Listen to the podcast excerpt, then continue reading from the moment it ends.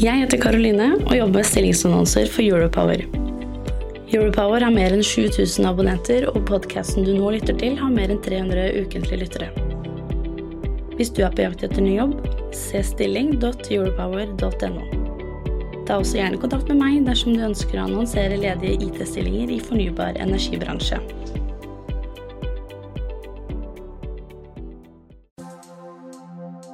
Du lytter til Energidebatten. Sendingen er produsert av Europower Partner i samarbeid med Eaton.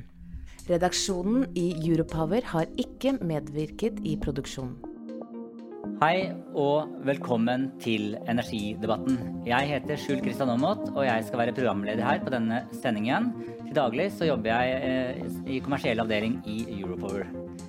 Gjennom året har vi debattert alt fra overskuddsvarme til hacking av, i kraftbransjen.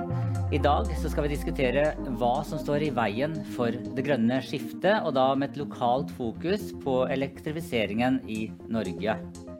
Lyden fra energidebatten blir eh, også eh, podkast. Den finner du på Spotify eller andre eh, podkastspillere ved å søke etter Energidebatten.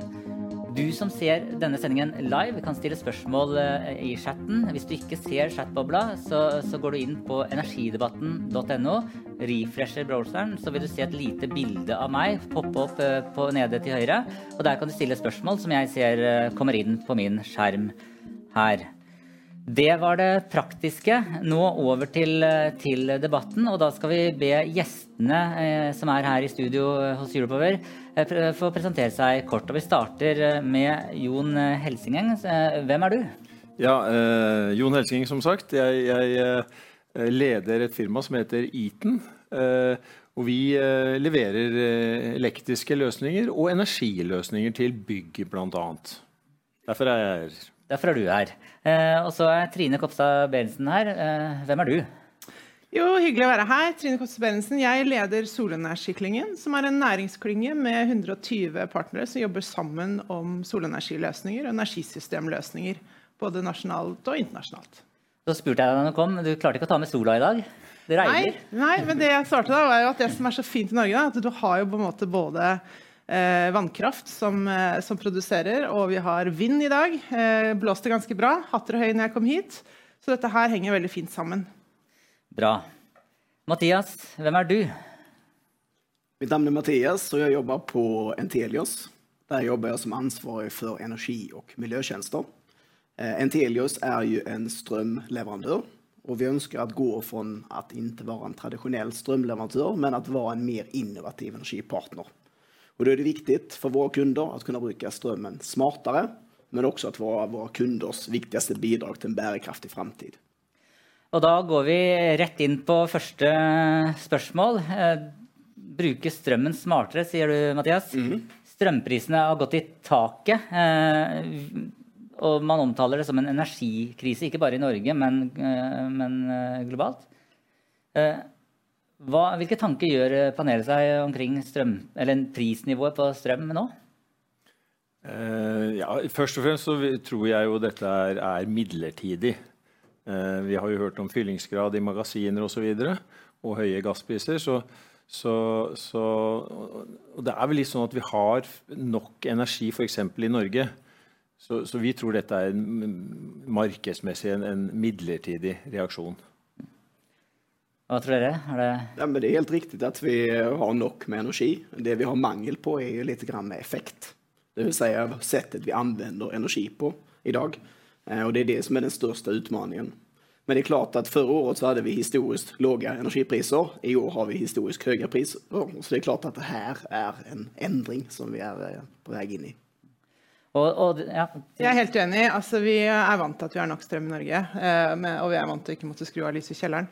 Men eh, det som er i ferd med å skje, er en elektrifisering. Og det store bildet er elektrifisering over hele verden og hele Europa. Eh, og da trenger vi veldig mye ny kraft, eh, også i Norge fremover. Og det har vi ikke tatt inn over oss. Vi kan ikke planlegge for nåtiden, vi må planlegge for framtiden. Og her er det tall som er mellom 25 nye terawattimer nyprodusert strøm, i tillegg til det vi allerede produserer. NVE sier i 2040. Statnett sier 50 terawattimer. 30-50 terawattimer. Og Whatside sier 30 terawattimer allerede inne i 2030. Og så tror jeg det er sånn Vannkraften kan bygges ut sånn mellom 6 og 10 eh, TWh. Ok, hvor skal kraften komme fra? Ganske enkelt svar på det. Altså, du må bygge det på en enkel måte uten å ta en meter natur. Det er solkraft. Du kan bygge på hver eneste tak, bygg, fasade, vegg. Og så vil du allerede kjapt komme opp i mellom 30 og 50 TWh, som er det teoretiske potensialet. Nå ligger det kanskje i rollen du har eh, som leder av sol, eh, solenergiklyngen, men, men, du mener solkraft er bedre enn vind? Nei, jeg mener ikke det. Jeg mener at dette her må vi se på i et, et større bilde. Og at uh, det som er veldig flott, er at uh, når du har en vindkraftpark, du, og du kan da se på solkraft som en, som en del av det, tenke et hybrid kraftsystem, uh, eller i et område, så vil dette her være veldig komplementært. Så vi er så heldige som har den vannkraften. Eh, vi trenger også vindkraft. Vet at det er problematisk en del eh, å, bygge ut, i hvert fall på land. Eh, men dette her henger veldig fint sammen. Det er jo litt interessant. da. På Dagsrevyen i går så var jo konsernsjefen i Equinor ute og, og ble ja, til dels applaudert fordi vi tjener så ekstremt mye Landet vårt tjener så ekstremt mye penger på, på, på høye priser på spesielt gass mens når det gjelder eh, strøm, eh, så er det jo ikke veldig mange som klapper. Har du gjort noen tanker om hvorfor vi er så glad i å, å tjene penger på, på fossilt, men så, så, lite glad i tjene, at noen tjener penger på fornybart? Jeg, jeg tror jo vi, vi, vi, har ikke sett på strøm som, et, som, som, et, eh, som, en kost som skal forandre seg og være dynamisk. og Vi, vi har, ikke tatt, har, har, ikke noe forhold til elektrifiseringen på den måten. Det er noe som, som alltid har vært der. Mens, mens dieselprisen, den eh, kjenner alle til, ikke sant? Så, så, og nå er vi i en situasjon hvor kanskje vi kan få fokus på dette med, med strøm, øh, pris og, og, distribusjon, ikke minst distribusjon. Hvis, hvis, vi ser situasjonen i dag, så er det jo stor forskjell på prisen i Sør-Norge og Nord-Norge. Og det sier noe om distribusjonen mellom, mellom Sør-Norge og Nord-Norge. Og Nord men, men, faktisk, den problemstillingen har du også lokalt her i Oslo. Hvis du skal ha mange flere elektriske biler inn, så må du gjøre noe med strømnettet i Oslo også. Og det, Da går vi egentlig over på neste spørsmål. Ehm, for, det er, for, å lykkes med det grønne skiftet så må man jo bl.a. skifte ut bilparken og få inn elektriske biler. Jeg skal innrømme at jeg var ikke så modig da jeg kjøpte bil, så vi gikk for en hybrid. Men jeg tenker at neste bil må være, det må jo være en elbil. Eh, hvis ikke så går man jo to skritt tilbake igjen. Sånn tror jeg veldig mange tenker. Eh, hvis hele Norges befolkning kjøper elbil, og hvis også annen sånn tungtransport videre etter hvert kommer over på elektrisk, har vi nok strøm? Går vi inn mot en helelektrifisering av samfunnet, så skaper det givetvis mange utfordringer. Precis som du sa, vi krever at vi må bygge ut mye mer fornybar kraft. Vi holder på å sammenkoble oss med resten av Europa for at vi skal kunne selge kraften når den er dyrere, og ta inn den når den er billigere. Vi blir mer integrerade i det framtidens fornybare energisamhället. Men igjen så handler det om å kunne anvende strømmen smartere og kunne anvende den og nyttje den i denne balanseringen. For i, grunn, i slutenden så handler det om etterspørsel og tilførsel av strøm. Og har vi nok med tilførsel og ikke nok med eh, produksjon, eller hva det nå blir, så blir det en ubalanse i systemet. Og får vi da at alle elbiler på natten lader, og ikke gjør det smart, så kan det være en problemstilling. Eksempelvis. Så, ja. Så NVE har jo gitt ut en rapport for uh, noen år siden hvor de har sett på hvis alle privatbiler kom på strøm, 2,1 millioner, så ville vi øke strøm, strømforbruket, energiforbruket, med 5-7% Og Det er jo ikke så mye. Uh, men samtidig jeg er helt sikker på mange av borettslagene her i byen, i Oslo, eh, og for så vidt andre steder i landet, kan, der kan ikke beboerne få elektrisk bil. Fordi det er ikke strøm inn i det bygget. Det er et, et hovedproblem fremover. Mm. Men, men på, på, sikt er jeg helt enig at vi også må ha mer energi hvis vi skal elektrifisere også industri og andre uh, aktører. Og For å klare det så bør vi også ny teknologi. Helt klart. Som eksempelvis ja, batterier i kombinasjon med sol. Det er riktig. Kunnskap om teknologi. Ja. Eh, og dette med nettet, det løser vi. Eh, altså, vi Tror du vi løser det? Ja, altså, her må vi ta det store bildet. Ja, men Hvis du ser på Nederland, enormt med solkraft og vindkraft inn i nett på veldig kort tid. Og vi har jo et robust kraftnett, vi har den regulerbare vannkraften. Dette løser vi. Men det handler jo også om å, å, å rett og slett sette ned og planlegge litt. Grann. For, det, for det handler ikke bare om eh, teknologi, det er jo politikk. Altså, akkurat nå, det er jo, Vindkraft er jo ekstremt betent. da. Ja, det er ekstremt uh, betent. Uh, og uh, svaret på vindkraftdebatten det vet jeg ikke helt om jeg er rettet til å, å, gi deg, men det er et eller annet med å planlegge dette her. Og så tror jeg vel at en del av hindringene er jo at de som planlegger, sitter jo i sin silo og har sin forretningsmodell med in sine insentiver og sitt mandat. Om det er netteierne, om det er NVE eller om det er OED. Og det er jo et eller annet med at Når man sitter der i sin silo, så planlegger man jo akkurat for nåtiden og kanskje litt fram. Så det her er jo et, rett og slett og det å sette seg og prate litt sammen på tvers av bordet og tvers av siloene. Og teknologi er veldig viktig som en del av det. Og, og det som vi ser nå, altså i de siste to-tre årene, hva som har hendt, det er at nå har kunden altså I vårt fall så arbeider vi mot bedriftsmarkedet. Og det er den delen jeg ikke representerer, da, men vi ser at kunden vil det her. Kunden vil gjøre denne endringsreisen. De vil prøve ut ny teknologi for å gjøre seg mer konkurransekraftig i framtiden og kunne håndtere de her denne nye grønne omstillingen som vi er på vei inn i. Mm. Næringskundene. Mm.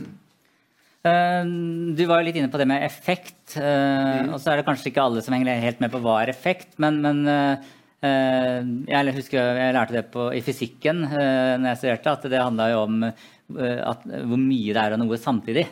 Og kan f.eks. sammenlignes med rushtid. At, at, veien er så og så bred, og så blir det, går det saktere eller det blir trangt hvis alle skal hjem fra jobb samtidig. Og Sånn er det vel også med strømmen. Noe av utfordringen er hvis alle lader bilen samtidig, eller hvis alle bruker induksjonsstoppen samtidig, eller hvis industrien bruk, slås på av samtidig. Uh, privat er det sånn nå at det lønner seg For nå har vi høye strømpriser, og man, jeg, jeg, har begynt å se på strømregninga mi og, og, og, irritere meg. Er det sånn at det lønner seg å styre forbruket sitt uh, gjennom døgnet? Er insentivene der nå? Uh, fremdeles så har, vi, så har vi jo tariffer da, som bare måler bruken av strøm, ikke hvor mye strøm du bruker på, på, på et tidspunkt. Men eh, det kommer jo. Jeg tror det kommer allerede. Men Så svaret er nei nå? Ja, det er helt riktig. vi har ikke insentivene nå? Vi har ikke insentivene i dag. Vi har, det, vi har, det, ikke på private, men vi har det faktisk i næringsbygg. Mm. Hvor du betaler en sånn effekttopp per måned. Mm. Så Der er det et, et visst insentiv. Allerede. Det er jo lurt å lade elbilen når uh, du ser at du går inn på appen og ser oi, nå var det innmari dyrt. Jeg venter jeg må plugge i og, og kjøre i gang uh, alt. Det, det, det, er riktig. Vi har, vi har, jo energiprisene som varierer nå på per time. Mm. Og vi ser jo det at den er litt høyere om morgenen enn, en om natta. Så, så, men det er litt lite. Det gir ikke ordentlig insentiv enda. Og det betyr at Hvis man ikke har disse insentivene, så, er, så tenker man kanskje at jeg betyr ikke så mye i det store bildet, og så er man med å skape rushen. Og det betyr at vi må bygge ut nettet. Er det riktig? Helt klart. Jeg mener det er riktig. Det er, det er ikke nok bevissthet rundt det. det. Den lille prisforskjellen du har altså Nå betaler du mye av det to kroner per mm. kilowattime. Og så er det kanskje 2,40 om morgenen og 1,80 om natta. Det blir for lite. I hele Europa så går det jo mot distribuerte løsninger. Det mm. betyr at du produserer og gjerne lagrer eh, strømmen der den skal brukes. I gamle dager så, så la du industri der hvor eh, vannkrafta var. Sånn er det ikke lenger. Så nå, du kan på en måte produsere strøm, ta i bruk taket ditt, veggene dine eh, på bygget og, og, og, lagre. Og så er det jo et eller annet med å se dette her. Nå har du gått til en individuell måling, så hver og en enkeltperson må på en måte ta ansvar for det.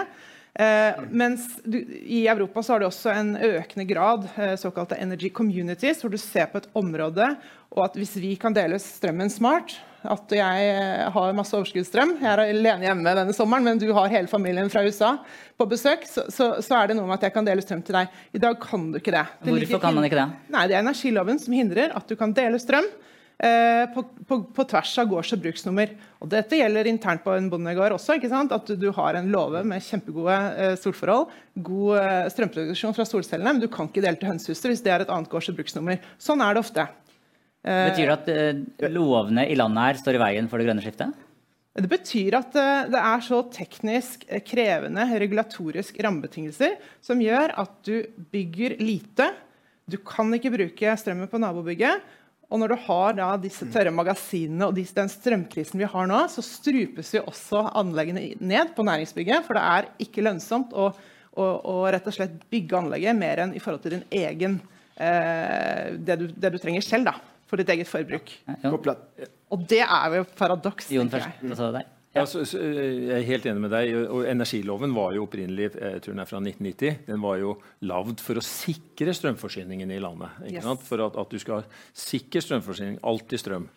Men, men, i dag hvor du skal skifte over til eh, å elektrifisere alt det du gjør, så trenger vi kanskje en mye mer distribuert um, og, skal jeg si, type utbygging, hvor også private deltar. Både kommersielle og vanlige forbrukere deltar. Det har vi ikke mulighet for i dag.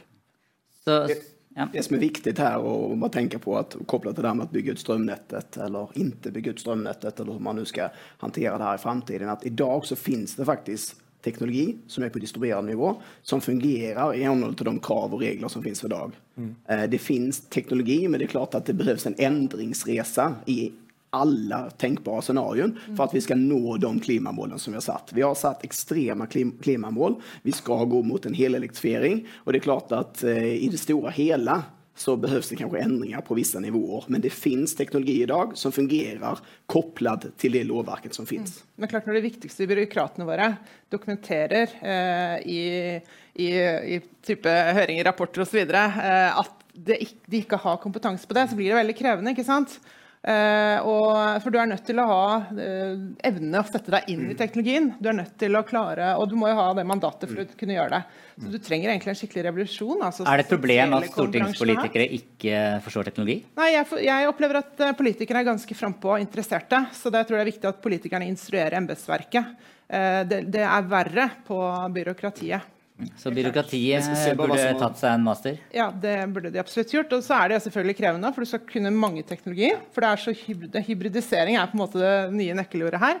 At du må på en måte, Det holder ikke at du er innmari god på vannkraftturbin lenger. Du må kunne sol, du må kunne styring. Du må forstå at dette her er et veldig mye mer komplekst energisystem. Og det krever jo at du går litt utenfor boksen din. Ja, jeg, jeg, jeg, er helt enig. Jeg, tror kanskje en hindring er, er, er selvfølgelig denne energiloven. Og så har vi jo en relativt konservativ si, energi-elverksbransje i Norge. Ja. Og, og, og, de påvirker nok politikerne. Ja, de, altså, for hvem er, det som, hvem er det som kommersielt motarbeider en endring? De som, de som, har alt å miste på status quo, altså, eller har alt å vinne på status quo, altså, det er jo nettselskapet med sine inntjeninger, sine modeller. Og jeg, jeg blamer jo ikke de for det. De må jo også utfordre. De har jo sine rammer de jobber i. Så da må vi jo starte der. Men klart, vi, set, vi sitter jo ikke ned og tar den samtalen over bordet. Det finns, alltid, det finns två sidor om, myntet og vi må, for att vi skal klare den här elektrifieringen och den här biten, så må vi ta i akt det som finns i dag. Mm. vi kan ikke vente. Nej. Nej. Förändringen och revolutionen på det här sker nu. Och bara vad som har hänt de senaste två de senaste tio åren. Mm. Vad som har hänt i ändringsresan för oss på sättet vi använder energi, på sättet vi har blivit miljöbevissta, på sättet vi tänker är helt annerledes. Mm. Och så går det här väldigt, väldigt fort. Ja. Mm. Och det, och det må, vi, må vi tänka på. Det är liksom väldigt mycket teknologi, det är väldigt mycket att sätta sig in i. Ja. Och det kan skapa utmaningar på flera nivåer. Kan, eh, altså, ute, hvis man leser sosiale medier og kommentarfeltet, kommentarfelt der, så er det jo eh, en ganske stor mistenksomhet mot egentlig alle som kan tjene penger på noe som har med energi å gjøre. Mm. Er det et problem? Eh, at, at gode løsninger kan bli plukka ned fordi politikere ikke tør å, å, å, å gå mot strømmen og, og de store eller, ja, sosiale medier-gjengen? Jeg tror kanskje det er tvert imot. Ja. Det, er, det, er, jo nå med disse høye strømprisene at vi kan få til en endring. Fordi, fordi eh, privatpersoner og, og byggherrer, f.eks. eiere, de blir oppmerksom på dette. Eh, jeg, jeg synes, bare for å ta en analogi, jeg synes jo Måten vi har innført elektriske biler mm. i Norge, er veldig bra. Vi har gjort en massiv eh, hva skal jeg si, subsidiering av de over, over en periode. Og, og, og, det er jo bare å se disse bilskiltene, så ser du at alle kjøper elektriske biler i dag. Men hvorfor ikke gjøre det på byggsiden også? Massivt eh, hva skal jeg si, subsidiere. vi har jo noe eh, fra Enova? har Vi ikke det? Vi har litt rundt solceller. Men vi har ikke rundt distribusjon av energi, f.eks. Bruk, bruk av batterier fins ikke noe subsidiering på. Så, så Bruker du batterier i form av ny sammensetning og ny teknologi, så finnes det subsidier på det på eksempelvis Enova. Mm, mm. For Det er først når du får den distribuerte produksjon på bygget. Mm. Sammen med lagring og styring. At du kan avlaste mm. nettet. Og i dette området her. Men da må du faktisk endre loven. Ja. Eh, og når det gjelder Enova, så det største problemet er at de har jo penger på bok som de ikke bruker. Så eh, alle husholdninger har jo betalt et øre over eh, strømregninga. Mm. Og der står det 300 millioner. De har brukt 100 av de. Uh, rett og slett uh, går ikke tilbake til husholdningene. de brukte jo masse på masse, De ga jo Equinor og, og, og Ja, men vet du hva, folk flest har lyst til å være med og subsidiere de store, store anleggene der. Ja. Jeg tenker jo at uh, Når du har betalt inn fra husholdningene, så bør det gå tilbake til husholdningene. Dette har jo huseierne og NBMBL osv. satt søkelys på, og jeg tror Barth Eide også snakket om det Eh, her eh, på morgenen eh, at dette her er et problem, så noen må jo gjøre noe med det. Og når det gjelder støtte, så er det i hvert fall til solceller og til enøktiltak, så er det jo faset ned støtten i en strømkrise når det ikke er et modent marked. Så, du er ikke er det, fornøyd med Enova? Men samtidig, ikke veldig. Samtidig, ikke veldig. vi, vi, har vært involvert i en hel del av de her pilotprosjektene. og jeg skal si at Vi er helt enige med deg at vi kunne gjøre mer Eh, kopplat till att få ut det största bidraget av alla de pengarna som finns. Men det görs väldigt mycket idag på det här.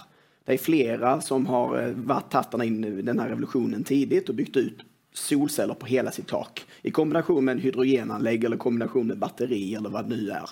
Och då använder de det som finns idag för att bruka strömmen smartare, sänka sina energikostnader och effektkostnader och kanske till och med kunna sälja den strömmen de inte brukar tillbaka till strömnätet for för att på så sätt vara en del av den här balanseringen. Ja. Jeg er helt enig at Det, det fins eksempler, mm. men jeg kaller det pilotanlegg. Og det er mm. entusiaster som gjør det. Vi må få en mer sånn mainstream involvering fra mange flere. Det må være vanlig å kjøpe solceller og ha det på taket sitt. Mm. Og kanskje ha et batteri i, i, kjelleren som gjør at du kan ta ned effekttoppen din. Men, men pilotanlegg på att ta ner effekttoppar och styra energi och flexibilitet, det har vi gått långt forbi. Det er ikke pilot lenger, det er kommersielt. Nei, på næringsbygg så er det det. Ikke sant? Mm. Det er sånn som Solcelleanlegg det er lønnsomt. Eh, du trenger ikke subsidier. Så vi roper ikke på subsidier, men det er en del bremseklosser her mm. i forhold til rammebetingelser som gjør at dette her går litt tregere. Mm. Eh, ikke sant? For det handler jo også om å skalere dette her, og ikke gå fra piloter til skalering. Vi trenger å bygge ut mye kraft på kort tid. Eh, og sånn som det er i dag, så er det i hvert fall sånn at hvis vi har en del eh, partnere som jobber med å, å utvikle solceller på altså bakkemontert, da, kombinasjon med type beiteområder eh, eller altså sambruk med andre ting, produksjon av grønnsaker, tar lengre tid å få svar fra nettselskapet enn det tar å bygge solparken, for det tar tre måneder. Ja. Nå, vi, nå, vet jeg det at det er flere nettselskaper som følger med her, ja. så, så, da kan jo, så er det jo noen går det an å forsvare seg i chatten her. Noen er frampå, altså. Sånn at det er ikke alle. Så det er noen som er bedre enn andre. uh, litt tilbake til det. Altså, det jeg hører dere uh, si, er at uh, det er mange ting som står i veien for, for at vi kan jo, bruke energi effektivt. Jeg er ikke helt enig i det. Det fins mange muligheter. Ja, det finnes også muligheter, og de skal vi komme, men, men, det er ting som står i veien. Samtidig som, som effekttoppen, altså rushtiden, betyr jo det at vi må bygge ut nettet i Norge for milliarder av kroner. vi har høye strøm... eller strømregningene er høye nå. Hvem er det som tar regninga for, for utbygging av nettet? Det, det, er jo veldig enkelt. Det er jo de som forbruker energi og strøm. Mm. Uh, og både privatpersoner og, og si, kommersielle. De, ja, så de, de som har høye regninger nå, de, de får med høyere regninger i fremtiden fordi Eller hvis man ikke bygger ut Eller bruker teknologien og bruker lovverket riktig? Ja, jeg vil si kanskje at vi, vi har, De har ikke valgmuligheten om å investere selv i energiløsninger eh, kontra det å, å, få en større kabel fra et nettselskap og betale for det. Eh, der, der eh, hindrer energiloven vår det. F.eks. du hvis du putter solceller på, på taket ditt i, på, et, på, et, kommersielt bygg, så kan du bare levere 100 kW. Et, hvis du skal ha noe mer, så, så må du ha en konsesjon, og det er altfor komplisert. Hvis du har et borettslag, et annet eksempel, og du ønsker å, å si, få en billader og putte et batteri inn i det, og, og kanskje solceller på taket, og bruke energien lokalt i borettslaget, så, så, så, er det vanskelig å få det til. Fordi du, har, du må ha målere på hver eneste punkt der, mm. og, og, betale for det. Ja. Er på gang en endring der, at du mm. skal kunne levere og dele strøm til nabobygget altså fra type 500 kW peak installert. Eh, det er på gang, men da er det innenfor gårds- og bruksnummer. Så det vil jo si at det vil ikke passe for et område med næringsbygg. Eh, det kan passe for en havn, mm. for der har du ofte ett felles nett. Der kan mm. det fungere, men ikke da i en næringsbygg. Og, og, og heller ikke i nabolaget? Ja, nabolaget hvis det er borettslag, men ikke, ja, men ikke mellom naboene. Og Odd stadion, f.eks., som har en mm. sånn type pilot, kan ikke dele til eh, naboen nødvendigvis, eller du kan søke fritak fra de regelverkene. Ja, for Odd stadion de har solceller på taket ja, på stadion og batteribank som er knytta mm. til nettet. Og når da ikke lyskasterne står på når kampen er på, så deler de til naboene. Og, mm. og det kan du jo i den pilotperioden, men hva skjer etterpå? Så du må jo ha langsiktige rammebetingelser. Mm. Mm. Ville vi fått uh, lavere nettleie hvis uh, lovene hadde blitt endra når det gjelder sol, uh, og det å selge strøm til hverandre? Jeg, tenker ja. Altså, hvis du kan produsere og lagre og dele strømmen internt i et uh, område, uh, så vil du også kunne kanskje ikke bygge ut, måtte bygge ut nettet såpass mye. Men jeg tror kanskje du må gjøre begge deler. Men du må i hvert fall se på hva kan du gjøre med det du har. da, Bruke teknologien og dele den strømmen vi har. Uh, det, det må jo det første vi må se på. Mm. Nå ser jeg det kommer inn litt spørsmål i chatten. Vi kommer til å svare på det mm, mot slutten av sendingen. Eh, vi har fått ny eh, regjering.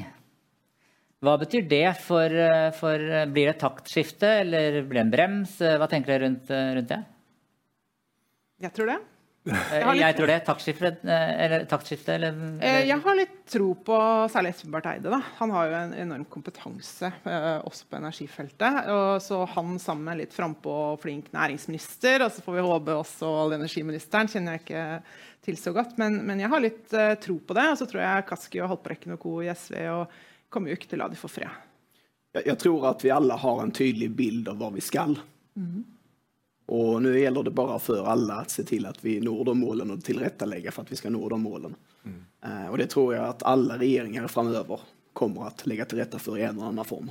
Mm. Fra min side, hvis vi tar den andre vinklingen, så så, så, jeg tror kanskje at vi trenger noe privatisering her. Vi trenger at flere aktører skal delta. Uh, og at ikke bare det skal løses av nettselskaper og kraftselskaper. Der er jeg litt usikker på om dagens regjering vil bidra. Dere får henge på den, da. Ja. uh, det gjør vi. ja, jeg har lyst til å ta et spørsmål som kom i chatten nå, selv om jeg sa jeg skulle ta det til slutt. Altså, hva, uh, og det er, det er, aktuelt med tanke på Equinor og, og, og at uh, Norge har blitt rike på olje og gass. Hva betyr fortsatt leting og utvinning av olje og gass for elektrifiseringen av Norge, er det en som spør om her.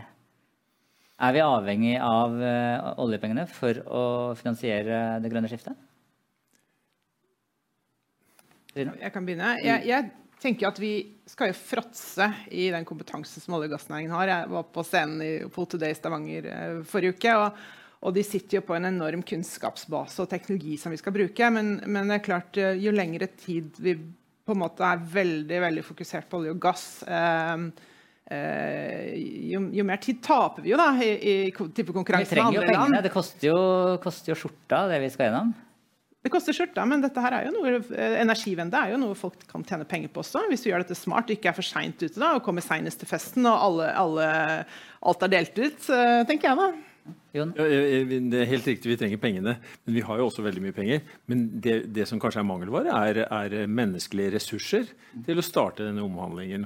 Og hvis nå alle sammen eh, jobber i olje- og gassbransjen, så har vi jo ikke noen ekstra ressurser til å starte denne omhandlingen. Og vi, vi, I Norge har vi en spesiell si, oppgave med å få til flytende vind. Der kreves jo massevis av ingeniøringressurser og forskning fremover. Mm. Nå kom det inn på chatten, Jeg vet ikke hvem som skriver det, men Trine vet nok svaret. Så. uh, Mathias? Det, det som jeg ville poengtere där fram, jeg er ikke så jätteengagerad i den norske delen av olje og gass, og det, men det som er viktig for oss i Norden da, om jeg får ta det i det perspektivet. Vi har alle former av teknologi, utveckling, historiskt sett en väldigt, väldigt gedigen, bra bakgrund mm. för att vara en del av den här revolutionen av energin som vi är inne i. Mm. Det måste vi få ut mm. till andra utvecklingsländer. Mm. För det grejen är att vi i Norge, vi kan vara, eller i Sverige, vi kan vara hur flinka vi vill, men om vi inte får ut den här teknologin som vi utvecklar här til andre länder. Så blir det veldig svårt å nå klimamålene. Mm. Og Norge er vel litt flinkere enn Sverige, har det ikke? det kan diskuteres. når, jeg, når jeg forberedte meg til, til, denne eh, debatten her, så, så, så, søkte jeg litt på nett, og så stemmer det at man kan ende opp med en tariff uh, basert på sikringsstørrelsen i huset, og ikke hvor mye man bruker og sparer, og, og hvor, hvor Faktisk så, så kan, kan, du det. Altså, nå, nå, har det jo vært ute på høring en, en sånn forskrift for å, for å, endre på disse tariffene for å få de mer dynamiske, rushtidsbasert osv. Men det blir faktisk opp til hvert enkelt nettselskap å sette de tariffene for så vidt innenfor visse rammer. Men du kan risikere at, at du får en tariff basert på sikringsstørrelsen din, eh, altså deler av den. Og, og, og, og da hjelper det ikke om du styrer rushtid-strømbruken. Ja, hvis, du, hvis du også plugger på et batteri fra Teslaen og, og... Så vil du ikke få noe effekt av det. Nei. Eller li, mindre effekt av det. Mm. Det er dumt. Det er veldig dumt. Det. Og så er spørsmålet du skal la eh, fru Hansen på 70 da, og småbarnsfamilien nå måtte sette seg inn i å installere en rekke utstyr eh, for å på en måte optimalisere dette her. Eh, jeg er litt redd for at det kanskje ikke skjer. Og hvem taper da? Det må være enkelt. Ja. Det må være enkelt. Ja, ja. Det må det være. Mm. Ja. Men det er jo full virvei fra ende til annen hvordan denne modellen for nettleie på en måte skal bli. Vi har jo flere ganger etterlyst eh, dokumentasjon på hva er det som driver kostnadene opp i nettet. Mm. Man sier og mener og, og kaller det gratispassasjerer osv. Ja, vi ser jo ikke noe dokumentasjon på det. Jeg tenker at Det må vi, og så må vi ta i bruk kunnskapen fra en rekke piloter som er finansiert av Enova osv. rundt omkring. Eh, og sette oss ned og, og, lage et godt system for det. Min, men min bekymring er også, kanskje også litt Hvis man uh, honorerer uh, eller lager insentiver for, uh, for å ta, ha sol på taket og selge til hverandre og sånt, så, så, og at man da ikke skal betale så mye nettleie, f.eks. Så hvis, hvis, modellen ikke virker, vil ikke det da bare bli høyere nettleie på de som ikke er så teknologimotiverte? Eh, altså de som ikke har sol, og de som ikke har batteri. Vil de stå igjen med en større regning fordi man slipper eh, noe nettleie med disse løsningene? Altså, altså, det er jo sånn at, at Nettselskapet er forplikta til å bygge ut nok kapasitet, slik at de kan ta de, de største toppene. For ellers så får du, uh, får du blackout. ikke sant? Og, og, og, kan vi bygge ut uh, med teknologi som gjør at vi hindrer disse effekttoppene, helt nede på bolignivå, på leilighetsnivå, på borettslagsnivå, så vil jo nettkostnaden totalt sett gå, gå, ned. Men du må gjøre det enkelt, da. Du må gjøre det enkelt. Hver eneste bolig og bygg til å kunne bidra med den distribuerte fleksibiliteten som ligger der, da, i form av, mm. du har det bygget.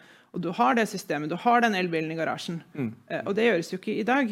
Mm. Vi kan ikke havne i en posisjon der eh, bedrifter og foretak vil utvikle seg, men blir hemmet og ikke kan ekspandere pga. at det ikke finnes nok strøm. Ja. Et spørsmål, vi tar litt spørsmål underveis. Et spørsmål til jeg vet ikke om noen kan svare, men Hva er status på plusskunderammene på 100 kW og deling av strøm? Hvem sitter på saken, og hva er tidsrammen? Det er ikke noe endring på 100 kW-grensa, eh, men vi NVE har levert inn eh, innspill til, til OED. Og der ligger det et forslag at du skal kunne dele strøm fra 500 kW peak installert som en grense, men da innenfor gårds- og bruksnummer. Så da har du igjen problematikken at det kan gå innenfor borettslag eller de som har gårds, samme gårds- og bruksnummer. Kanskje innenfor havn, jeg veit ikke, men, men, i hvert fall ikke i type næringsbygg og områdeutvikling kan du ikke det. Og Det er jo et skritt i rett, riktig retning, egentlig, men det burde ikke være noen grense. Vi burde bare kunne dele, for det ville jo da nettopp eh, kanskje tatt eh, litt av den utfordringen med behov for å, for å, bygge ut nettet ytterligere. Og Det er samme modell man har i Sverige i dag. Ja. 500, 500 kW peak-grense. Mm. Så Den er jo beprøvet, og den vet om at den fungerer. Ja, man er redd for ikke å sette en systemgrense, tror jeg. Hva skjer da? Mm. Men det, der bør man jo kanskje utrede. Og, ja, mm. I, I, Sverige har man jo mye høyere utbygging av solceller ja, og kommersielle bygg. Ja. Det har man. Det den... På grunn av det, kanskje den grensen. Nå er den precis høyt. da. Mm. Det er 500 kW. Så... så har det vært veldig gode rammebetingelser. Ja. Eh, det mm. har vært insentiver, særlig på husholdningsnivå, mm. Eh, for utbygging. Og da får du også den skaleringen som, som, man trenger. For i Sverige skal du skru av kjernekraftverkene, og det er det klart du trenger å bygge ut veldig mye ny kraft der også. Og da er sol enkelt konfliktfritt uten å ta én meter natur. Mm. Så, så jeg har tro på at du må inn med subsidier en viss periode for å få i gang starte utbyggingen, starte sånn som vi har gjort med elektriske biler, og som man har gjort i Sverige.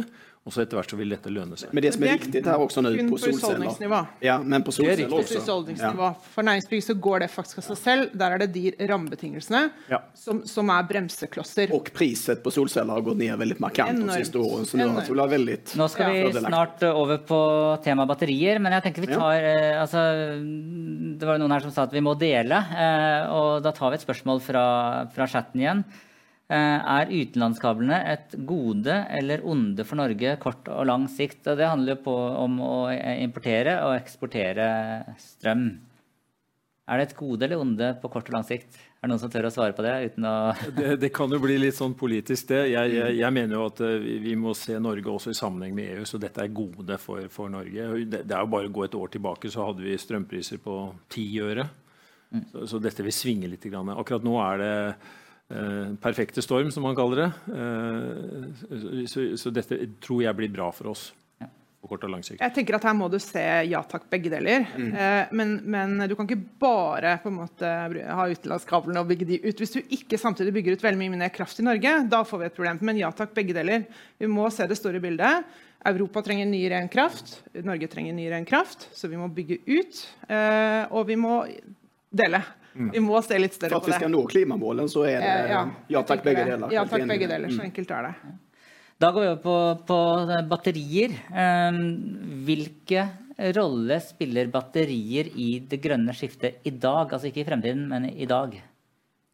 Um, uh, vi vet jo at vi har fått en del uh, batterier inn i biler. Det spiller absolutt en stor rolle der i det grønne skiftet. Vi ser uh, ferjer, en typisk applikasjon. Der har vi det. Og så er det nok en god del pilotinstallasjoner foreløpig mot bygg. Eh, så batterier har ikke en tidlig rolle i bygg i dag? Nei, ikke ennå. Vi er helt i startfasen. Mm. Så våre partnere, flere og flere anbud og, og, eh, og Hvem er typiske partnere? Nei, det er, eh, Hvis jeg tenker på partnerne nå, så er jo de som leverer til bygg. Da tenker jeg kanskje på installatørene som bygger solceller. Veldig mye av de de eh, tilbudene de skriver, er flere og flere er med batterier eh, faktisk, og med smart styring. Så det er på en måte mm. ikke solceller bare, men det er en, en, type batteri, en styring, et system. Og du ser på hele bygget som et energisystem. Mm. Og batterier er jo veldig på vei ned i pris. Og vi ser jo det at å si, Bruker du den strømmen du selv produserer, og da har gjerne lagret, så er det selvfølgelig et bedre business case. Da. Så vi ser jo i hvert fall, Det er det våre partnere sier til oss. Ja, men, men, samtidig så er vi ikke kommet så langt. ikke sant, i et i et, et nytt bygg, en enebolig, så installerer man en varmepumpe eller et ja. eller sånt. Vi er ikke der når det gjelder elektrisk løsning. Nei. Men altså Kobla til batterier og solceller er jo helst i kombinasjon med smart styrning og hele den biten. Mm. Eh, så har vi gått fra pilotstadiet til å gjøre det mer kommersielt i bygninger, og spesifikt om vi bygger nytt i dag. Da er det altså, veldig, veldig og, og da er vi egentlig over på neste spørsmål. Hvilken rolle uh, vil batterier spille i fremtiden? Altså, om, om fem år, da? Alltså batterier, om jeg får prøve på den, batterier som en produkt til lagring, altså kjemisk lagring i dette fallet, for å stabilisere strømnettet, er veldig avgjørende for framtiden skulle jeg si. Eh, I kombinasjon med vindkraft, i kombinasjon med sol og all den intermittente kraften som kommer så er batterier absolut en uh, viktig faktor. Det er helt enig og, og, til og med på kort sikt så er det kanskje helt nødvendig for å kunne lade bilene våre. Eh, eh, mye raskere, da, for å si det sånn, mm. så, så, trenger vi å lagre, lagre strøm på batterier. Og, og, og, også når det gjelder bruk av, av solceller. Så, så, med et batteri så utnytter du solcellekraften mye mm. bedre. Ja. Så, så. Det som er spennende, er at batterier i dag, i kombinasjon med sol, har en viss type nedbetalingstid. Och så kombinerer du det med energi og effektstyrning. Mm. Men du også kombinerer batteriet med eksempelvis frekvensstyrning, som i det fallet er en del av balanseringen, så finnes det flere vitenskapelige artikler som sier at du kan redusere batteriets återbetalningstid med 20 till 40 procent. Mm. Mm. Så her ser vi liksom at batterier er en viktig del i denne balanseringen. I private husstander? Ja. Og næringsbygg prater jeg da. Ja, ja, men i private uh, husstander. Uh, er det da bilbatteriene, altså at man plugger bilen på og kjører strøm andre veien? Eller kommer private husstander til å ha et eget batteri i kjelleren? Ja, altså du, altså I dag så, så, er det veldig få biler som mm. kan bruke batteriet. Det er, er, bare én bil tror jeg, i Norge, og, og, den får du ikke engang lov til å bruke som det. Så vi er ikke der. Men det fins fiks ferdige løsninger som du kan skru på veggen i teknisk rom hjemme, som, som, tar ned solstrøm, lagrer det, og du kan bruke det når du kommer hjem om kvelden. Og, og eventuelt også lade bilen med det. Så det, de løsningene er der i dag. og, og og du kan få det fra installatører i, i det vanlige markedet. Og som er kobla til energimarkedet. Ja. Mm. Er det noe som står, altså Vi prater jo om hva som står i veien for å bruke solceller fullt ut eh, og dele på tvers av nabo, eller med naboen osv. Eh, hva er det som står i veien for at vi tar i bruk batterier? da? Eh, det er nok en viss altså Sånn som tariffen er i dag for privatpersoner, så tar det en stund før det er nedbetalt. Det er det ingen ja. tvil om. Men får vi disse effekttariffene, så vil den tiden gå drastisk ned. Så, så, så, det er en økonomi i det. Det fins en del entusiaster som har uh, tatt det i bruk. Teknisk fullt mulig, men vi må ha ordentlige kommersielle betingelser. skal dette Så er Prisene er jo veldig på vei ned. Mm, det vil jo veldig klart hjelpe her. Uh, så liksom uh, IT og batterier raser i pris, mm. solceller raser i pris. Da, da, er dette her mer lønnsomt. Ja. Men på industribygg, næringsbygg er det det i dag. Men, ja. men på eneboligsiden så, så tenker jeg det kommer. Og det er jo der jeg tenker Enova burde vært inne, sånn som mm. man gjør i Sverige. Og støtter inntil 50% eller inntil 50 000, eller hva det nå er de gjør. Eh, det kunne vi også gjort i Norge. For da ville du nettopp avhjulpet eh, på, på behov for å bygge ut mer nett. Hvis du kunne brukt dette smart og tatt dine egne effekttopper. da. Også denne kombinasjonen at i dag så er det mye lettere å integrere batteriet med andre biter. Altså teknologi og denne mm. integrasjonsmulighetene som vi har i dag, er helt annerledes. Som gjør også at det blir mer kostnadseffektivt på sikt. Da. Men mot privatsiden så er det fortfarande enig med deg at det er mm. Her er det en, en, i chatten som sier toveis lading til fra elbil versus bolig kan, gjøres, kan gjøre stasjonære batterier i bolig overflødig. Det kommer nå i løpet av 2022. Jeg tror ikke det vil være sånn. Du vil ha, du vil ha både selvfølgelig bilbatteri og du vil ha en boligbatteri. For, for et sted må du lagre solenergien. Det mm. kommer litt an på hvordan du bor. da. Om du bor i blokk, ja, så er kanskje det litt vanskelig. Ja. Men, men, altså sånn vehicle to grid, denne toveis uh, Jeg er litt usikker på hvor langt man har kommet, men, men, problemet er jo da inn i forretningsmodellen til ja. bilprodusenten osv. Og, så og noen av de kommet lenger enn andre, så vidt jeg vet. Så det er interessant. Jeg vil gjerne vite mer om. Teknologien, teknologien finnes på plass, tror jeg. Det gjelder bare liksom, å aktivere den. Mm. Uh, vi er engasjert i et pilotprosjekt nå der man faktisk skal teste ut denne vehicle to grid. Mm. Uh, og inn mot et næringsbygg for å jevne ut effekt og mm. effekttopper. Ja. Så um, det fins, men frågan er er moget nok. Da, ja. vi, vi, har også vært med på pilotprosjekter hvor man har puttet uh, batterier inn i eneboliger eller boliger, mm. eh, også borettslag. Og så har nettselskapet eller energiselskapet styrt disse batteriene mm. for å håndtere effekttopper mm. og frekvenser. Og Det er jo mye bedre ja. enn at hver og en skal måtte drive med det. Nå har vi på en måte rullet ut ganske dyre, smarte målere, og så skal du i tillegg da hver og en husholdning måtte uh... Men den teknologien finnes der. den finnes. Disse batteriene som vi ja, ja. leverer, er kobla opp mot skyen. Hvem som helst skal styre de. Må ville bruke den. Så er det jo dere tre som vi har uh, invitert, oss, uh, invitert inn her i denne debatten. Men, men, det er flere som har lyst til å være med i debatten her nå, så, og vi lar dem slippe til. For det, det, er jo noe av det fine med Her er det en som mener at 500 kW ville utløst mye mer utnyttelse av potensialet. Det er også mange næringsbygg Eh, som ligger på samme gårds- og bruksnummer. Og det, det, er vel ikke et spørsmål, men mer en kommentar inn. da, Og, det, og vi lar kommentarer få, få slippe til. Ja, kjempebra. Um, ja. Jon, utvær. Ja. Uh, vi pratet litt når vi forberedte oss, og du hadde et case. Uh, altså, hvor ligger utvær? Jo, Det ligger på Vestlandet, ganske langt ut i, i, i skjærgården der, ja. utenfor Bergen. og de kom til oss. De hadde et problem eh, med, med, med at eh, de har, de har, bygd en god del fritidshus her. Eh, hytter, for å si det enkelt. Og når, når, man kom ut der på fredag kveld og skulle varme opp hyttene og man skulle koke, steke mat, og alt sånt nå, så hadde man ikke nok kraft. Og Så kjørte man med dieselaggregat for å håndtere det, og man, og man la ut en, en, liten kabel. Men så sa de at hør nå vi, vi, vi bruker jo bare veldig mye strøm når vi kommer dit på, på, på fredagen. Og så, og så, jevner det seg ut litt topper. og sånn. Så, så, så, de spurte om vi kunne levere et, et, et, energilagringssystem ut dit. Og det har vi gjort nå, satt i drift. Og, og faktisk så har vi eh, de, de, slapp å trekke den nye kabelen, en 8 km lang kabel, for eventuelt fått mer strøm. Det ville kosta mye mye mer enn en, en, en, sånn batteriløsning. Og det vi har sett nå, etter ja, et års tids prøving, er at det er ikke mange ganger dette batteriet slår inn. Mm. Men, men da, når det slår inn, så er det på disse fredagene. Uh, og, og, og bitte lite grann. Så de, så de, har bygd seg en sikkerhet i sitt nett ved å, ved å plassere et batteri der. Den sikkerheten, for, for, bare så forklare det for uh, folk flest. Hvis, hvis, man ikke hadde tatt, uh, tatt investeringen i å bygge kabelen, eller bedre kabel, om man ikke hadde hatt dette, så ville noen plutselig altså begynt å blafre i lampene? Det, det er så enkelt at hvis, hvis, de hadde fått en overbelastning på denne kabelen ut til denne øya, så ville det blitt en sånn blackout på hele øya. Mm. Inntil man hadde fått ned forbruket. Ganske enkelt. Men dette måtte dere søke om? Det var ikke bare å gjøre, gjøre dette? dette? Eh, dette? ble det søkt om, og, og, og, og man inngikk en avtale med nettselskapet.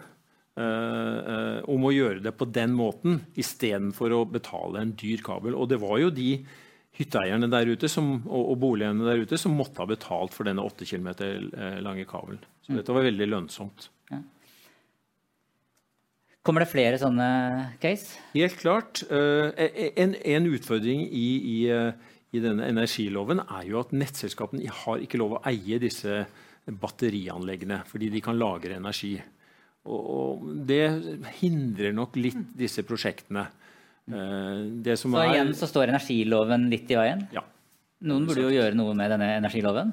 Der finnes det mange foretak som vil satse på den typen av uh, teknologi. Det gjør det. Alternativet er at du får en, en, enda en aktør som kan, mm. uh, som kan, aggregere den type energi og, selge, og selge det, det ut og inn. Det er riktig. Men de, og de markedsplassene er for så vidt teoretisk satt opp. Mm. De er ikke ordentlig i drift ennå.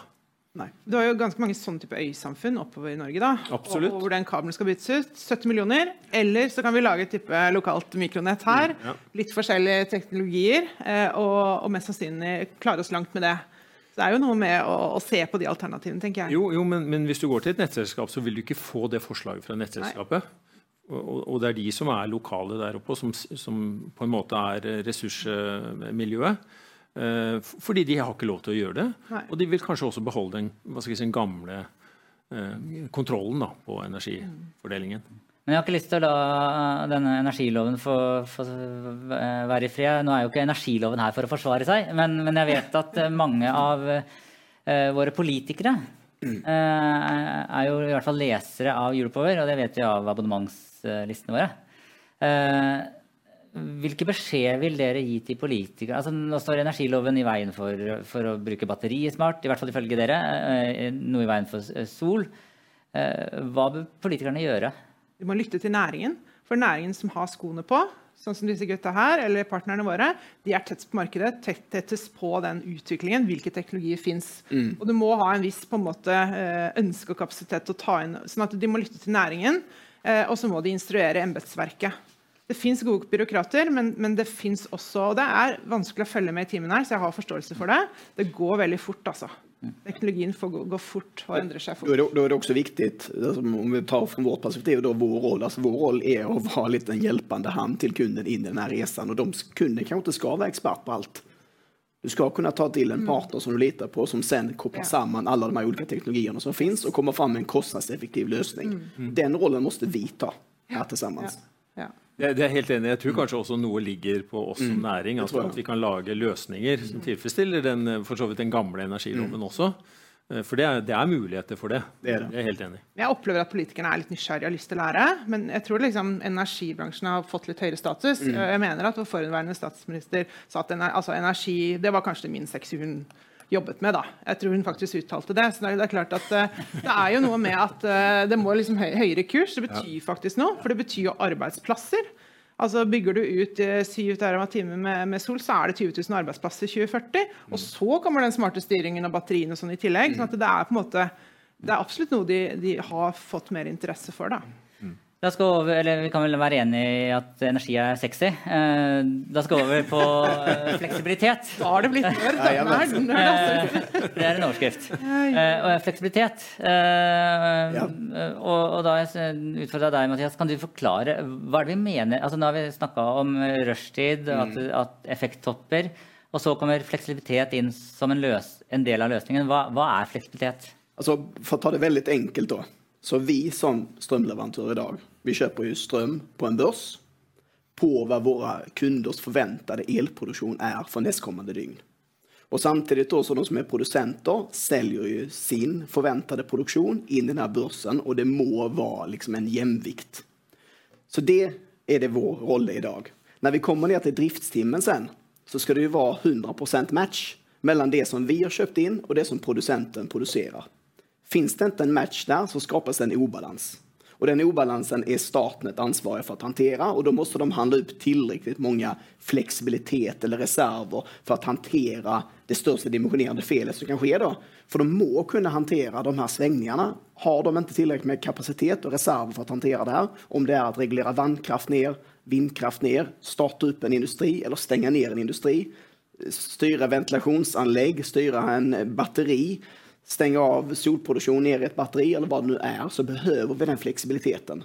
Mm. Och det som vi ser nu, kopplat till har vi gjort det förr. Traditionellt sett så har vannkraften och kärnkraften gjort det här 100 procent.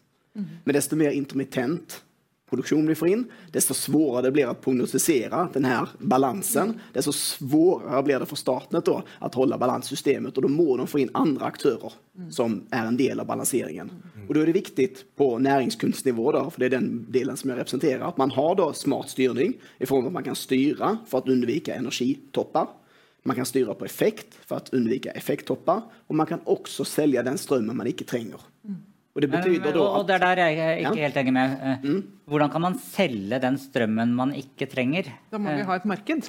må det, det, det finns et marked da, som ja. staten tar, men det er også flere ja. prosjekt som gjør det også her på lokal distribusjonsnivå. Mm. Men det du kan gjøre da, via en partner eller en strømleverandør i dag som har balansansvarig for deg, det er at du kan inngå et avtal om at jeg er villig til å redusere min ventilasjon eksempelvis i et stort bygge, eller jeg er villig til att stänga av den här typen av eh, värmekilder, alltså termiska värmekilder, om vad det nu är, elektrokedjor eller värmekabel eller vad det nu är, i korta perioder For å just håndtere den här Betyr Betyder det at eh, alltså, för, sånt som jeg er vant med fra privat, så betaler ja. jeg for den strømmen jeg bruker. Mm. Betyr det at de får betalt hvis de ikke bruker ström at de, de, de, får en telefon fra deg da, og sier ja, nå bør du ikke bruke strøm, og da får de betalt penger tilbake ved å skru av det, det er helt riktig. De får betalt da, for å være en del av denne balanseringen for å hjelpe systemet. Og de som betaler det her, det er jo de som har sett til at obalansen sker mm. i, i det store hele. Så ja, strømforbrukeren kan få betalt for å ikke bruke strøm mm. i korta intervaller. Och då är det väldigt korta intervaller som till exempelvis inte påverkar en, industri, en, en industrislinje eller ett näringsbygg på komfort och inneklima. Men detta är en enkel ordning som industrin har haft, inte sant? Som vi nu har tagit ner till ja. näringsbygg och som sen kommer antagligen gå ner till privat eh, i ja. nästa steg. Men vi må göra det på en enkel måte, da. Ja. At folk kan bidra och vara med i det fleksibilitetsmarkedet. Det ser ikke jeg helt i dag. At og det er det egentlig. ikke. Teknologi har du, har du, ett batteri ja. så ska det batteriet kunna integreras enkelt ja. mm. med din smart hemhushållning. Det ska kunna eh, kommuniceras enkelt med ditt näringsbygge eller vad det nu är. Mm. Det skal ikke være komplisert. Mm. Det skal være enkelt og vi skal bruke den teknologien vi har. Men det er klart, hvis jeg har solceller på taket da, ja. så har vi eh, 100 biler i hjemmetjenesten i kommunen ved siden av som trenger mm. å lade alle sine mm. eh, elbiler nå, og ikke får lov å dele strømmen dit uten eh, veldig fordyrende ledd, så, så vil jo ikke det heller Du deler ikke strømmen, men du ja. drar ned kanskje ja. den här solströmmen då i et batteri. Ja, så egentlig det motsatta av att dela där å, å ikke bruke. Exakt. Okay. Mm. Så, Helt riktigt. Så, så på så sätt så får du jämvikt i systemet, men du delar inte fysiskt elektronerna därifrån dit. Mm. Men du är del av balanseringen så att du exempelvis kan ha ett större forbruk på ett annat ställe och ett mindre forbruk på ett Men det går sted. till en mer komplicerad ordning än den Statnett hade, eller? Ikke nødvendigvis. Du, du, du, kan ju på en måte dele strømmen og och få ner effekttoppen ved at du säger att om du går över vissa nivåer, så må mm. du betale mye mer. Ikke sant? Som en effekttariffregime. Som en effekttariffregime. Det vil, vil jo ha noe av den samme effekten. Og så fins det teknologi som gjør at du kan, du kan og Det, det fins jo i dag teknologi hvor du kan utsette ladingen av biler og alt sånt til eh, på natten når det er mindre, eh, lavere priser. Det er jo der allerede i dag. Og, du kan styre tusenvis av biler. Ja. Det samme kan du gjøre med et batteri, f.eks. Det her, det her starta vi i 2008 som en form av aggregatorløsning. Det som er viktigast her, det er å si ok, vi har marked, vi har kund, vi har teknologi. Mm. Entelios blir som en meglare en formidlare däremellan som ser till att vi följer regelverket och att vi följer de kraven som ställs på marknadssidan. Mm. Och så utnyttjar man då kundens flexibilitet på nedströmssidan och lyfter den upp i kraftsystemet. Mm. Och sen är det riktigt som du säger att det finns effekttariffer och du kan också styra på effekttariff för att reducera din energikostnad, din totala mm. energikostnadsbit. Men alla de här faktorerna är viktigt. Ja. Det är viktigt att kunna lastförflytta, det vill säga undvika höga spottimmar. Det är viktigt att kunna styra på effekt och det blir viktigt med flexibilitet. Mm. Och det som är fint här, det är att allt det här ska ske samtidigt och allting ska ske automatiserat. Ja. Mm. Her er så, så er det sånn, da vil jo, da vil jo kosten for å, for å, ha nettet der gå ned. fordi du yes. kan faktisk utnytte det eksisterende nettet til, en, til, til, å overføre mer strøm. Uten å bygge det ut. Og På så sett så får vi et smart system som er et holdbart system. Förhoppningsvis så får vi in mer förnybar i systemet som klarar att hantera det. Vi må alltid ha någon form av utbygging av nät. Det, det kommer vi aldrig undan. Men vi kan utnyttja systemet mer smart ja. och baserat med teknologi, med teknologi, som finns idag. Som finns idag. Mm. Mm. Her står det utkobling, eller noen som skriver inn til oss. da. Eh, utkobling ja. av VVB har fungert i mange år. Eh, nå er det Kanskje dere skjønner hva som menes her? Absolutt. Du kan koble termiske, eh, altså vanntanker, da. Ja. Eh, varmtvannstanker. Der inngår du en avtale med lokale nettleieselskapet ditt. og Så kan du koble inn det i, løpet av korte perioder. og Det har ikke noe å si for temperaturen på vannet, for å si sånn, for Nei. komforten. Og Den tariffen er jo på vei å forsvinne. Den er på vei til å forsvinne, ja. Til et mer komplisert system. Til et, til et mer komplisert system. Eller enklere system, beror det på hvem som forklarer. da. Ja. Så er det en, en, som skriver kvoteprisen vil gi oss høy kraftpris så lenge fossil kraft er med i kraftmarkedet. Det vil gi store inntekter for vannkraften vår. Burde ikke disse inntektene brukes i det grønne skiftet? Eh, høy gasspris vil også gjøre det samme. Og nå ja, er det noen kommentarer på det. Nå brukes vel deler av inntektene til det grønne skiftet, kanskje? Hvem er det som eier vannkraften i dag? Kommunene, stort sett. Og staten. Mm. Og hva går pengene på den, på den biten? Til sykehjemsplasser og en del skoler og litt forskjellig. Precis. Ja. Mm. Så, ja. Så høye strøm, strømpriser er jo et, et gode for kommunene. Det er jo ikke det. Nei. De skal jo betale en høy, høy strømpris på sine bygg og skoler, og, og, de sliter jo en del kommuner nå med at de ikke har budsjettert for de høye strømprisene. Ja. Mm. Men uh, jeg tror solstrøm på boligen din nå er i 52 øre per kilowattime, mm. så vær så god, prøv å slå den, da. Med, nå, nå, nå, nærmer vi oss slutten, og, da, eh, og nå skal jeg avsløre hvorfor jeg egentlig har invitert dere hit. Fordi vi driver og pusser opp huset vårt.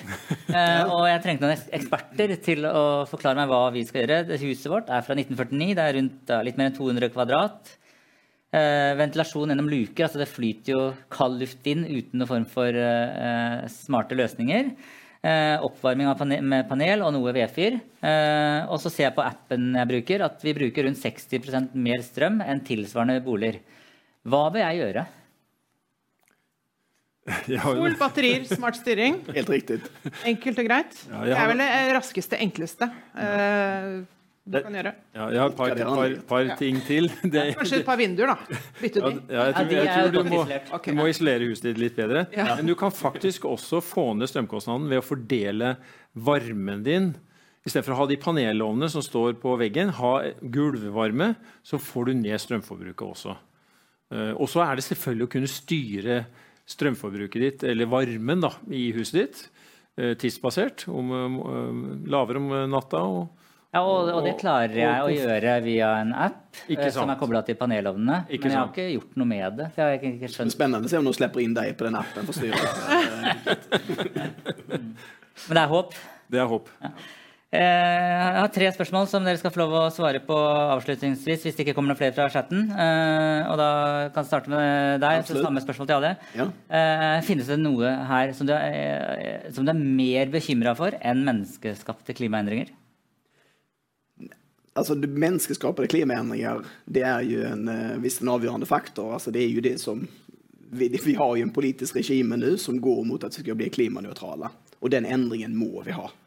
Uh, så det er jo en viktig faktor der kopplat med teknologi uh, og smart styrning og alt hur vi skal kunne håndtere de her, denne den Jeg er optimistisk når det gjelder den biten. Uh, kopplat til klima. Jeg tror at vi har løsninger, og att vi klarer å endre oss. Er det noe du er mer bekymra for enn klimaendringene? Er det noe som Nei, truer oss mer? Nei, jeg tror faktisk eh, det er noe som jeg er bekymra over. Og, og, litt redd for hvilken vei det går. Mm. Uh, nå går vi inn mot et toppmøte her i Glasgow osv. Og, så og det er vel ikke noe som tyder på at vi styrer mot uh, noe annet enn 2,7-gradersmål eller sånt, og det får noen store konsekvenser. Så jeg er ikke så veldig optimistisk på vegne av liksom politikerne, men på vegne av teknologileverandørene så er jeg, er jeg det. Hvis vi får de rammebetingelsene ja, Det skal vi komme inn på neste spørsmål. Er, er det noe du er mer bekymra for enn, en, klimaendringene? Nei, jeg, jeg, er helt enig. Det er kanskje det største utfordringen vi har. Jeg, jeg, er jo veldig redd for at ikke jeg skal kunne gå på ski om vinteren da, fremover. Ja, vet du hva, det er jeg òg. Vi flytta nærme marka for å kunne gå på ski. Ja. Uh, uh, ja, jeg pleier å si at uh, du ser det ikke på meg, men jeg er født med ski på beina. Det er bra. og du var litt inne på det. Er du klimapessimist eller teknologioptimist? Altså, er, tror du at verden egentlig bare går mm. nedover og nedover, at det blir verre og verre, eller tror du teknologien kommer til å løse det? Jag gör det som jag sa tidigare, att jag är absolut optimist i förhållande till teknologi. Och jeg jag tror att eh, med rätt teknologi och rätt ämne till att ändras, den ändringsresan vi är inne på, på förnybar og och hela den biten, så är jag absolut klima och teknologioptimist. Du? Jo, jeg også er klima... Jeg er bekymra, men jeg er teknologioptimist. Jeg, jeg syns ikke endringene og utbygging av fornybar går raskt nok. Men vi får se. Jeg, jeg er absolutt teknologioptimist. Jeg, jeg, jeg, tror vi ser allerede en, en, en noen løsninger i dag. Vi ser vind og sol og, og, og litt vannkraft. Og så ser vi også at man har kommet veldig langt på løsninger rundt hydrogenproduksjon og mm. distribusjon av hydrogen. Og, og, da klarer vi å elektrifisere samfunnet veldig raskt. Så jeg tror det, dette går veldig fort. Siste spørsmål. Eh, hvis du hadde vært eh, Da måtte du slitt litt på svensken, men hvis du hadde vært statsminister i Norge, ja. eh, hvilke, hvis det er én endring du skulle gjort, hva er det du ville gjort da? Eller gjennomført? Det viktigste der, tycker jeg, om vi ikke skal bli for politiske, det er at vi i Norden vi har historisk sett tatt fram veldig mange fin teknologi. Og denne teknologien må vi bruke til resterende deler av verden for at vi skal nå de målene som vi har satt. Mm. Så jeg tror at eh, mer teknologiutvikling her i Norden på kompetente mennesker som vi har, eh, og ta det ut i verden. Mm. Rina? Jeg tror jeg ville satt ned en arbeidsgruppe som består for det, Alle disse rapportene som du tar frem, er jo gjerne fra de som sitter i maktposisjoner, de som har alt å tape på at det skjer endringer. Det er for mange av de. Så jeg tenker at sette ned en arbeidsgruppe med oppstartsselskaper, unge, som ikke bare har alt å tjene på at ikke noe endrer seg. Og til slutt, jeg. jeg er helt enig. Jeg, jeg, må igjen trekke frem dette med, med, med elektriske biler. Hvor, hvor, raskt vi har fått det inn i Norge. Mye raskere enn det vi trodde. Mm. Jeg tror man må se på den modellen for å få i gang endringen. Mm. At man må være villig til å ta, ta noen sånne drastiske tiltak. Mm. Så satser vi på at det blir noen nye politiske partier her eh, neste fire årene. Eh, da går vi mot avslutningen. Eh, det kom et spørsmål fra chatten om jeg kunne spørre noe om tanker rundt fusjonsenergi, eller rundt kjernekraft. Det, det foreslår at vi tar heller en helt egen debatt. Eh, takk til deg som har fulgt livestreamen, og som etter hvert lytter til dette som en podkast. Takk til panelet. Takk til vår samarbeidspartner Video for web, som sitter og, og styrer livestrømmen her, altså det tekniske. Eh, opptaket blir jo snart tilgjengelig som en podkast. Eh, Podkasten har samme navn som livestreamen, altså Energidebatten. Jeg heter Skjul Kristian Aamodt, eh, og du holder deg oppdatert rundt energi, enten på Energidebatten, som er vår kommersielle satsing, eller på den redaksjonelle nettavisen vår Europower. Det var siste ord fra, fra oss her fra studio hos Europower og NST, så takk for i dag. Du lytter til Energidebatten Sendingen er produsert av Europower Partner i samarbeid med Eaton. Redaksjonen i Europower har ikke medvirket i produksjonen.